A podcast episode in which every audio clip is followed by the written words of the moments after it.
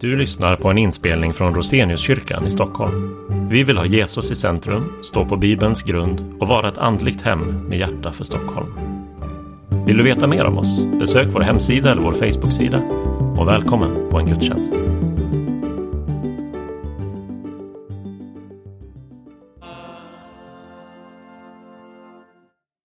Upplyft era hjärtan till Gud och hör det heliga evangeliet. Så skriver Sankt Lukas. Jesus tog de tolv åt sidan och sade till dem Se, vi går upp till Jerusalem och allt som är skrivet om Människosonen genom profeterna ska gå i uppfyllelse. Han ska utlämnas åt hedningarna och de ska håna och skymfa honom, spotta på honom, gissla honom och döda honom. Och på tredje dagen ska han uppstå. Men lärjungarna förstod ingenting av detta. Det var fördolt för dem och de fattade inte vad han menade. När Jesus närmade sig Jeriko satt en blind man vid vägen och tiggde.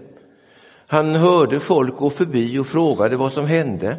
Man berättade för honom att Jesus från Nasaret gick förbi och då ropade han Jesus, Davids son, förbarma dig över mig. De som gick främst sa åt honom att vara tyst, men han ropade bara ännu mer, Davids son, förbarma dig över mig. Jesus stannade och befallde att mannen skulle ledas fram till honom. När han kom närmare frågade Jesus, vad vill du att jag ska göra för dig? Han svarade, Herre, gör så att jag kan se igen. Jesus sade till honom, du får din syn, din tro har frälst dig. Genast kunde han se och han följde Jesus och prisade Gud och allt folket som såg detta prisade Gud. Så lyder det heliga evangeliet. Ska vi sitta ner? Ja, hörni, så börjar nu vandringen upp till Jerusalem, dödens och uppståndelsens plats. Bakom oss i kyrkåret så har vi förfastan de två närmaste veckorna och framför oss efter fastlagen som vi nu har tre dagar så väntar 40 dagars fasta med inledning på onsdag, askonsdagen. Fastlagssöndagen idag, som också kallas för köttsöndagen är gammalt och sen följs av fläskmåndagen och fettisdagen. Det kunde ni inte alltihopa. kan man komma ihåg. Så har det varit i Sverige sedan kristendomen kom hit. I katolsk tradition så firas fastlagen festligt med stora karnevaler, karnevale, farväl kött. Men vi svenskar, vi är lite mer försiktiga med allting, vi tar det enklare. Ja, men förr blöttes ändå det gamla brödet i mjölk och åts som så kallad hetvägg. Och så kan du också göra med den allra sista semlan nu på fettisdagen. Annars så firas ju allting i förväg. Jul på julafton och semlor efter nyår och påsk på påskafton och, och midsommar på midsommarafton och, och dagen efter så är allting borta. I den gammaltestamentliga texten idag så förutsäger Jesaja fastans händelser och Jesu lidanden. Jesaja 52. Och i episten talas om kärlekens väg som Jesus gick för att rädda oss människor. I evangeliet så säger Jesus, se, vi går nu upp till Jerusalem och allt som profeterna skrivit om Människosonen går nu i uppfyllelse. Och den psalm som vi nyss hörde, den får leda oss genom denna predikan. Och den första punkten får vara första salmen då, versen. Se, vi går upp till Jerusalem i heliga fastetider, sjöng vi. Jesus hade under tre år undervisat om Guds rike både praktiskt och med ord. Och nu talade Jesus om den plåga och den död som nu väntade. Han hade vetat det hela livet. Lärjungarna hade hört det åtminstone två gånger.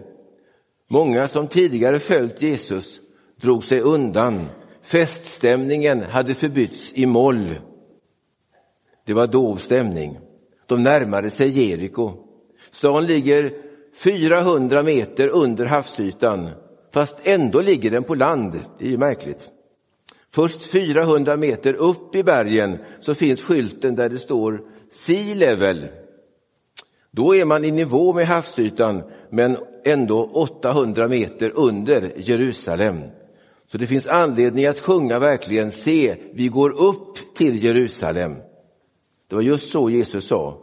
Det var innan de kom fram till Jeriko. Se, ido på grekiska, är en uppmaning. Märk väl, nu kommer någonting viktigt.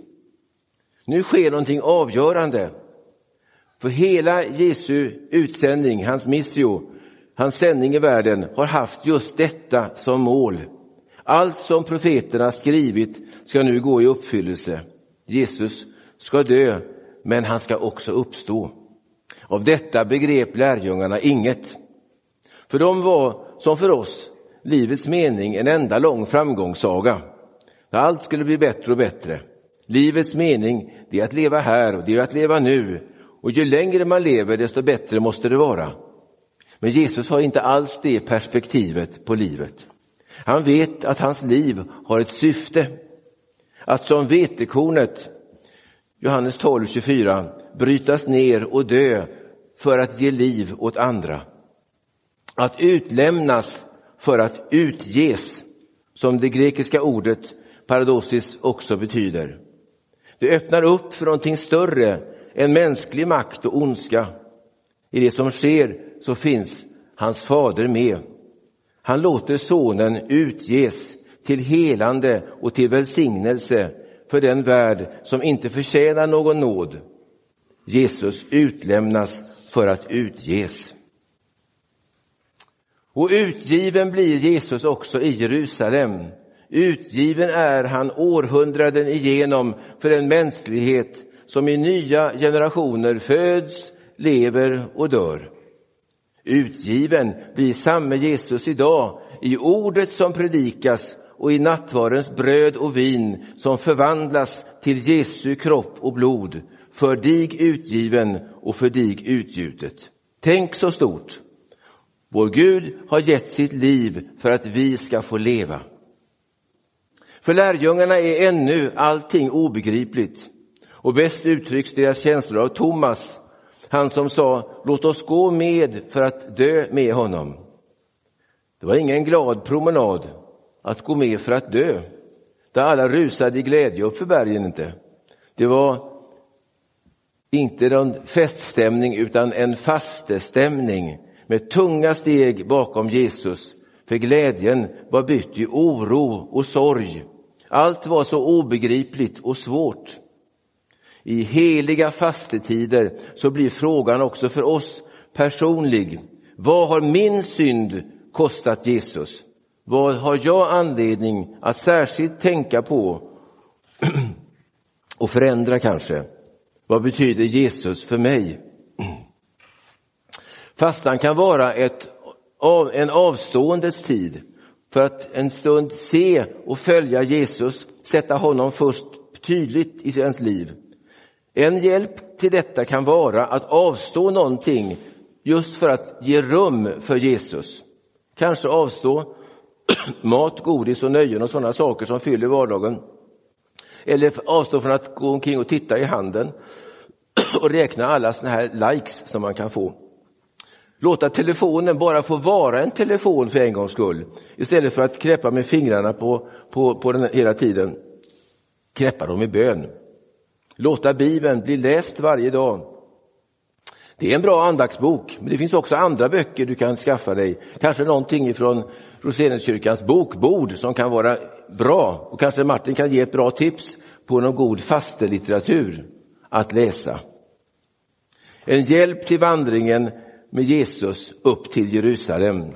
Följa honom i heliga fastetider på vägen mot Golgata. Ja, bestäm dig för något att avstå, något som känns och något som ger dig tid för Jesus. Se, vi går upp till Jerusalem i heliga fastetider. Och det andra får vara, vem går att med Herren vaka? Vem går att med Herren vaka? De stora skarorna som följt Jesus uppe i Galileen hade alltså i Judeen glesnat betydligt. De få som var kvar fick höra Jesus tala om lidande, om död, om skymf, om slag som väntade. Vi hör om den blinde Bartimaios. Han ropade och bad i tro och om hjälp. Han måste ha sett mer än många seende såg. Han kallade ju Jesus för Davids son. Hur visste denne man, som var son till Timaios, hemligheten om Jesus?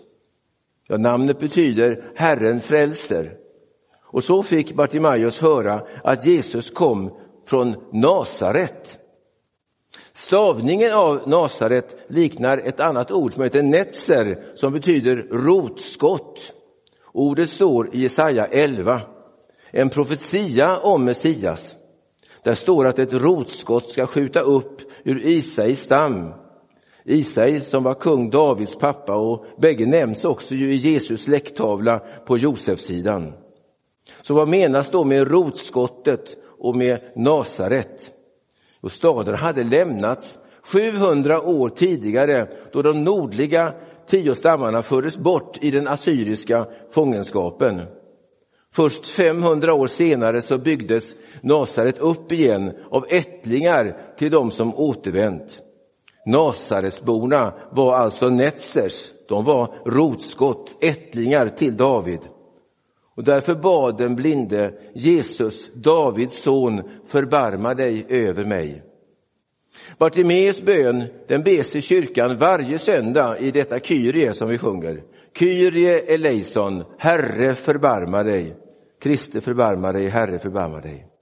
Det är en bön när vi tänker på alla de här Bartimaeusarna som vi har i vår vardag, skolkamraten eller arbetskamraten eller någon annan på gatan som man ser bara.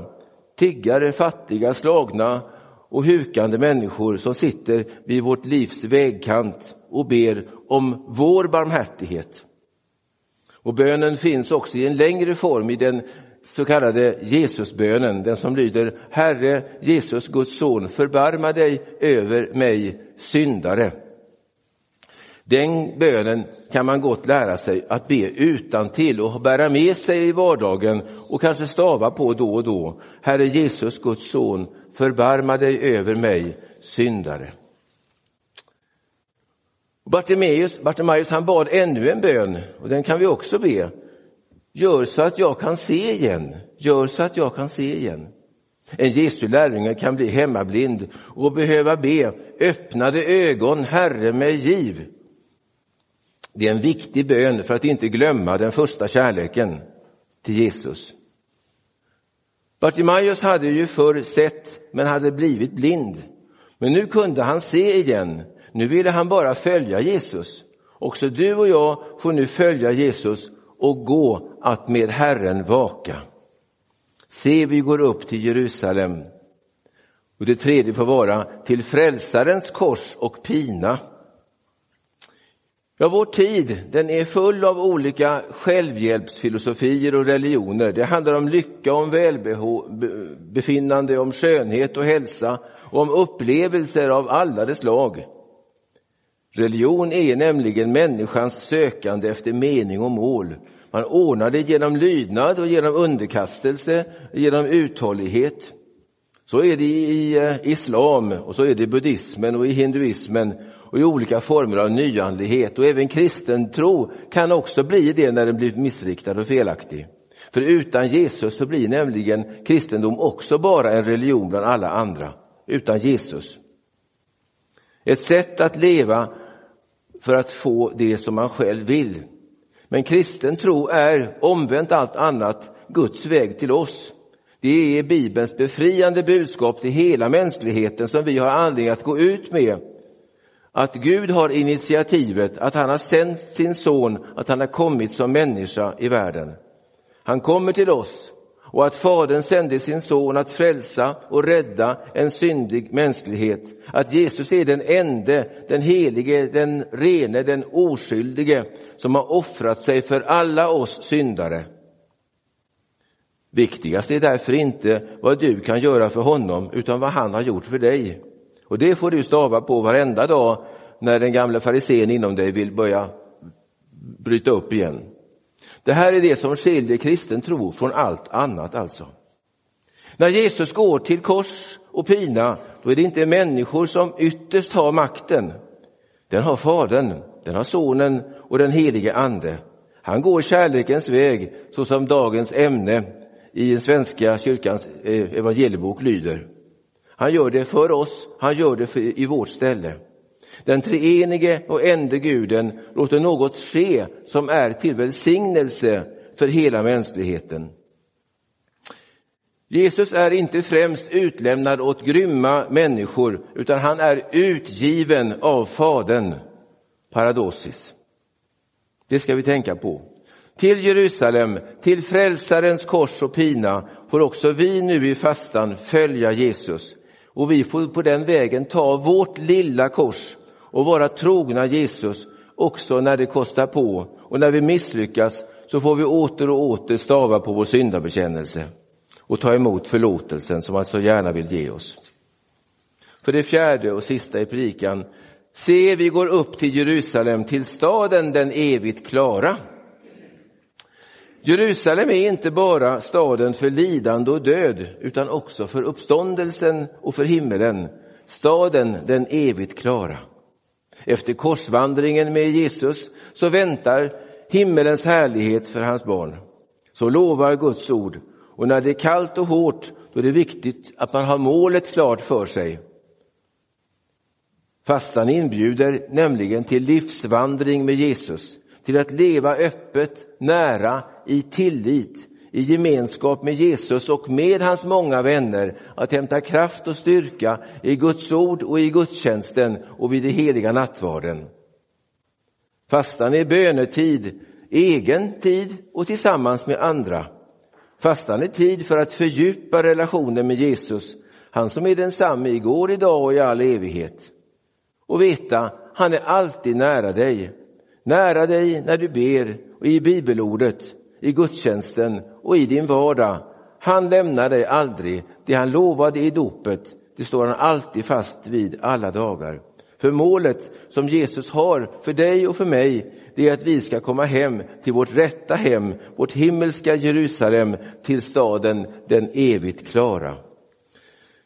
Ära vare Fadern och Sonen och den helige Ande. Så som det var av begynnelsen, nu är och skall vara, från evighet till evighet. Amen.